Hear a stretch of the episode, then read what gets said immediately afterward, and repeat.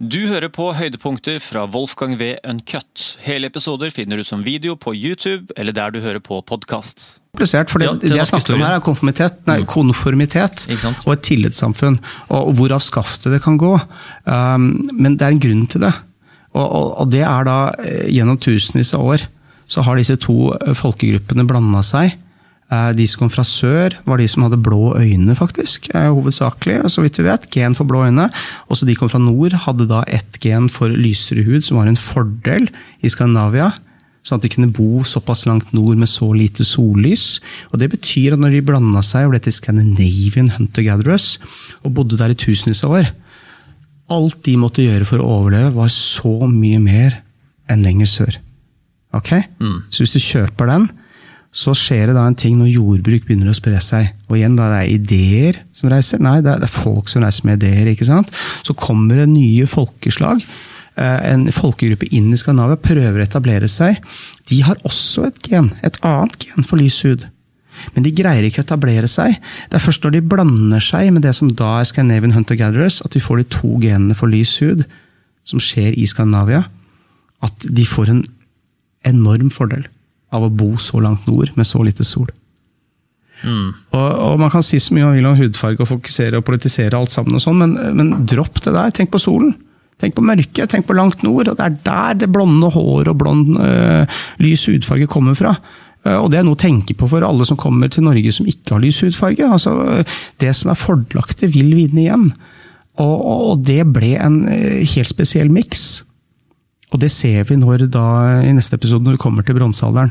Men eh, For da kom det flere folkeslag som skulle blande seg eller ikke blande seg, eller, eller vinne over eller ikke. Hvilken, hvem- var det som, Bare for å uh, oppsummere det, for det jeg kunne litt- kanskje gå litt ja. fort. Altså, vi fikk jo da fra de um, Ja, veldig sør fra 12 000, uh, Ja. 10 000 i nord, Mm. uh, og så da et, to nye store folkevandringer inn. Ja, ja, det kan vi si. Ja, Sånn rundt 4000 Nei, ja, 4500 inn i Europa, så, tusen takk, så, så kommer disse indoeuropeerne inn. Men før det har vi jo spredningen av jordbruk. Ja. Og, og, og det, det er jo før bronsealderen. Uh, men de har jo verktøy, altså de har jo kopper og en del sånne ting som de bruker. Da. Noen kaller det for kopperalderen. Uh, og, og det er litt sånn um, usikkerhet hvor lang tid i forveien det er. Men det som er poenget med å si at steinalderen ikke er steinalderen, er at disse som bodde så langt nord, måtte være avanserte for å overleve. Eh, De måtte ha innovasjon og være teknologiske, men de måtte også ha et helt spesielt samarbeid. Eh, og jeg, liker å sammenligne med, jeg har seilt en del, og jeg har eh, seilt en del i Karibien også. Og jeg har bodd litt på Jamaica faktisk, en gang i tiden. Og jeg har sett lokale på disse karibiske øyene kan gå i samme shorts året rundt, uten T-skjorte, uten noe. De har bare én shorts året rundt, alt de har. Er de sultne, finner de fisk i havet eller frukt i trærne. Og det eneste de må passe på hvert eneste år for å overleve som samfunn, det er den orkanen. Og den overlever man. Altså, det er ingen som dør ut av alle, ikke sant? så det overlever man. Det er det eneste. Så kan du sammenligne det da med å bo for langt nord på kloden. Med alt du må greie for å overleve. Reise fem mil ut i havet på et ganske heavy sted og seile. For, skal ha sagt da, Noe helt annet enn i Karibien. Uh, og fravær av sol og eh, det ekstremt avanserte samfunnet som gjør det helt feil å kalle det steinalderen. Vi må kutte ut det. Både bronsealderen og jernalderen. Samme greia. Det henger sammen. Og, det, og det var litt av poenget som jeg ville ta opp med tid. Da.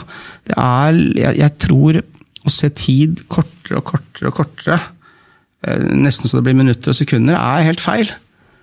Eh, Vi er vant til gjennom tus, tusenvis av år til å se på tid på en helt annen måte. Og det er nok mer naturlig for oss. Um, og det har jeg opplevd selv, etter hvert som jeg på 90-tallet måtte deprogrammere meg selv litt om hva jeg kom ut av den norske skolen som var da. Og, eh, og så jeg rundt om i verden som veldig mange nordmenn elsker å gjøre, og de lærer mer ting om andre kulturer, og det er jo veldig bra. Eh, Men det var ikke før jeg kom eh, og hjalp til med DNA-prosjekter i Sentral-Asia og møtte på, på måte mm, fjerne slektninger i Sentral-Asia, disse indoeuropeerne jeg snakka om, at jeg skjønte herregud, jeg har jo sett på tid helt feil, og rom og avstand. Og, og vi kommer til avstanden neste, da, men dette med tid at, at uh, Jeg har jo hatt briller på meg, så jeg ser liksom greit, jeg, jeg, ser jo lenger enn bare mitt liv. Da jeg kjenner jo liksom mine foreldres åk og besteforeldre og oldeforeldre. Mm. Storfamilie på Sunnmøre og Nordmøre, og, og, og liksom, vi, vi, husker og snakker om 1800-tallet titt og ofte faktisk fortsatt. Um, så, så, så det tror jeg er vel og bra å ha. Men jeg tror vi kan tenke lenger tilbake i tid også, eh, og, og, se at vi er disponert for en del ting i vår kultur som nok er nyttig for oss å vite om, og kanskje tilpasse oss til også. Mm. Vi, har, um, vi, har, veldig mye av jegerne i oss, genetisk. Vi har det, og det er spørsmålet når vi har det genetisk. Altså, du ser jo, du har jo lys i huden, du har begge de to genene du òg, men er det noe mer enn bare denne pigmenten i huden? Som gjør at du har arva noe. Tenk deg, I tusenvis av år da, har de hatt dette samarbeids- og delingssamfunnet. Og her kommer jeg til poenget mitt. Mm. Eh, vi har noen ting i Norge som er litt unikt, altså. Jeg husker Rundt 2014 var det sånn debatt hva er det som er spesielt norskt, og sånn, og de dro fram liksom Svela og sånne ting. Nei, nei, glem alt det der. Det er bare ting. Uh, vi har arva en sånn form for um, jeg har nevnt konformitet, eh, som gjør oss, setter oss helt i verdenstoppen. Vi har eh, et tillitssamfunn som er helt eksepsjonelt.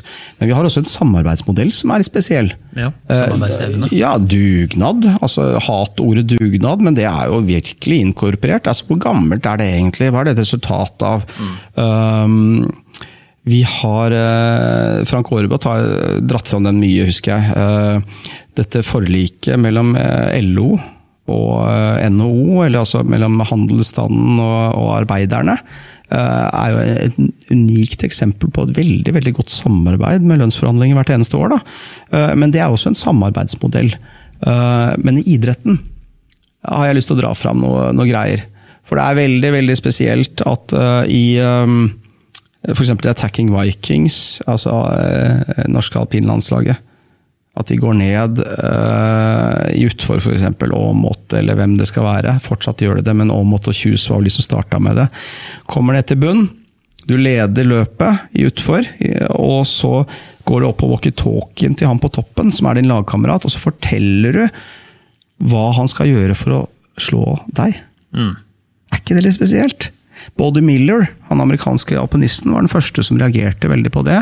Og sa at det der må jeg kopiere på det amerikanske landslaget. Og han var den første som kopierte det ut av Norge.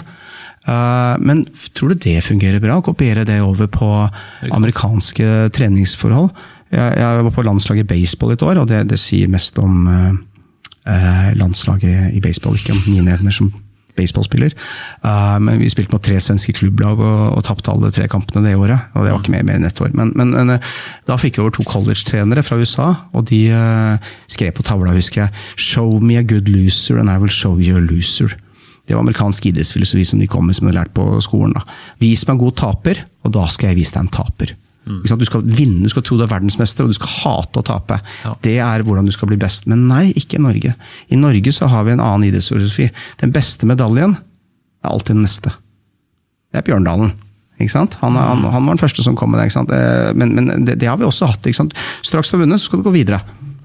Litt sånn som han der eh, som slo eh, Han som vant sjakk, hurtigsjakken. Du vet hva han har lyst til å spille sjakk?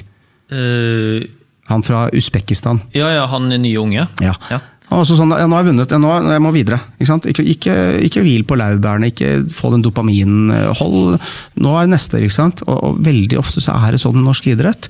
Eh, I forrige eh, langrennssesong fortalte norske kommentatorene at eh, russiske lagledere har sett timevis av videoer med hvordan nordmenn kommuniserer med hverandre i langrennsløypa for de har lyst til å lære av det. Men det funker jo heller ikke bra på russisk idrettskultur, som er jo helt annet. altså Bare se på uh, russiske håndballtrenere, f.eks. Altså, det er en helt annen kultur uh, for idrett. Vi har en delingsmodell som, som, som, vi har fra gammelt av, tror jeg, påstår jeg, hypotese, mm. uh, som er så urimprentet i oss at den må vi spille på lag med. Alt annet blir feil.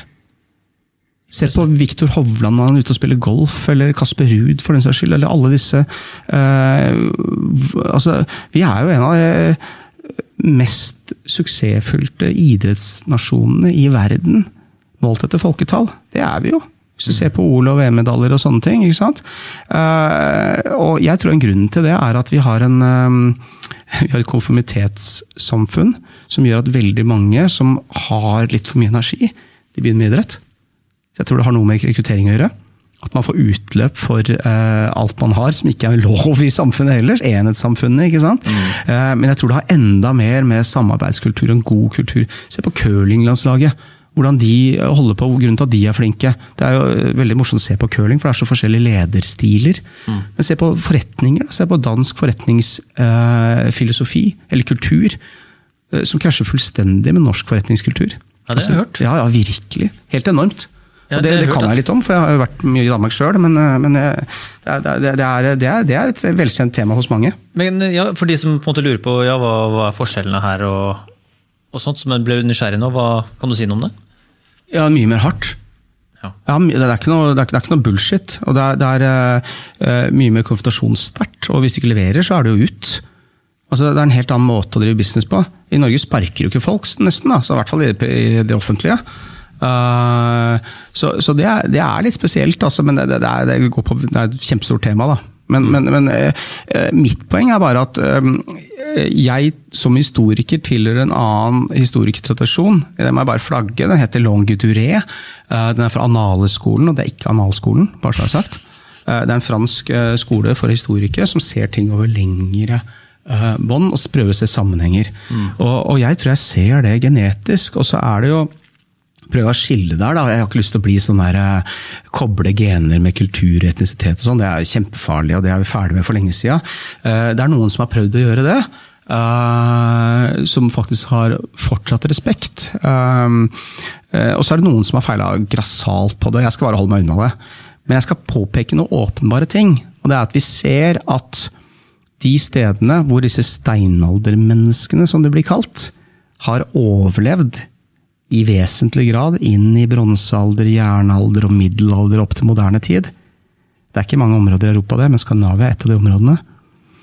De stedene har noe som gjør at det er lett å lure hva, hva, Har de noe fra dem? Gjennom tusenvis av år har man dyrket en sterk, sterk samarbeids- eh, og delingskultur for å overleve. Tusenvis av år skulle da bare mangle om vi ikke har noe av det. Eller i hvilken grad kan vi lese genene, eller hva? Poenget er, ligger det latent til oss? Jeg mener ikke sånn av og på-gener, altså. At det er sånn at vi har et spesielt gen for samarbeid. Mm. Men, eh, Og det, kanskje det er epigenetikk, det her. Det kan godt være. Men jeg, jeg ser i hvert fall mønstre som du finner igjen senere. Vikingtida, f.eks. Det er et kjempegodt eksempel fra Frankrike, eller Frankia, som det heter, frankerne. Hvor det kom en, en kaptein for franske kongen, eller frankiske kongen, unnskyld og, og skulle snakke med vikingene på et vikingskip, og sier 'få snakke med lederen deres'. Og så svarer alle ganske freidig tilbake 'her er vi alle ledere'. Du må snakke med oss alle. Tingsystemet som vi hadde. Alle frie menn har én stemme, og hvis en mann døde, var det en kvinne som overtok stemmen hans det, i husholdet. Altså, det er jo den gamle menneske... Mm. Eller stemmerettgreia. Det var én stemme per hushold, ikke sant? Mm. Det var det som var poenget. Derfor tok det så lang tid med å gi stemmerett til kvinner. For prinsippet var jo at ethvert husholdning skal ha én stemme. Mm. Uh, det, det, her går igjen.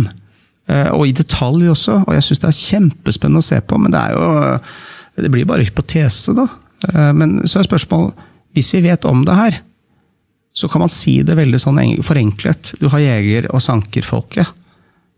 Og vi ser rent genetisk at i befolkningen i dag eh, så har vi mye fra dem genetisk har vi også noe fra dem som gjør oss bedre rusta, eller um, uh, gjør oss bedre mottagelige for samarbeid. Det syns jeg er interessant. Eller for informasjon, for den saks skyld. Du har ikke nevnt uh, velferdsstaten, da? Velferdssamfunnet? Ja, dette gjelder i hele Skandinavia. Mm. Det, det, gjør det faktisk, altså, men spesielt oppe i nord. Men eh, nå skal det jo sies at veldig mye, mange folk fra oppe i nord har vandret sørover. da. Eh, dette her er jo også, Når vi kommer til jernalderen, så er det også en voldsom utvandring fra Skandinavia som eh, blir kalt for de germanske folkestammene. Eller folkegruppene. Men de var ikke germanske. Det var en av disse gruppene som het germanere. Akkurat som noen het alemanere. Mm.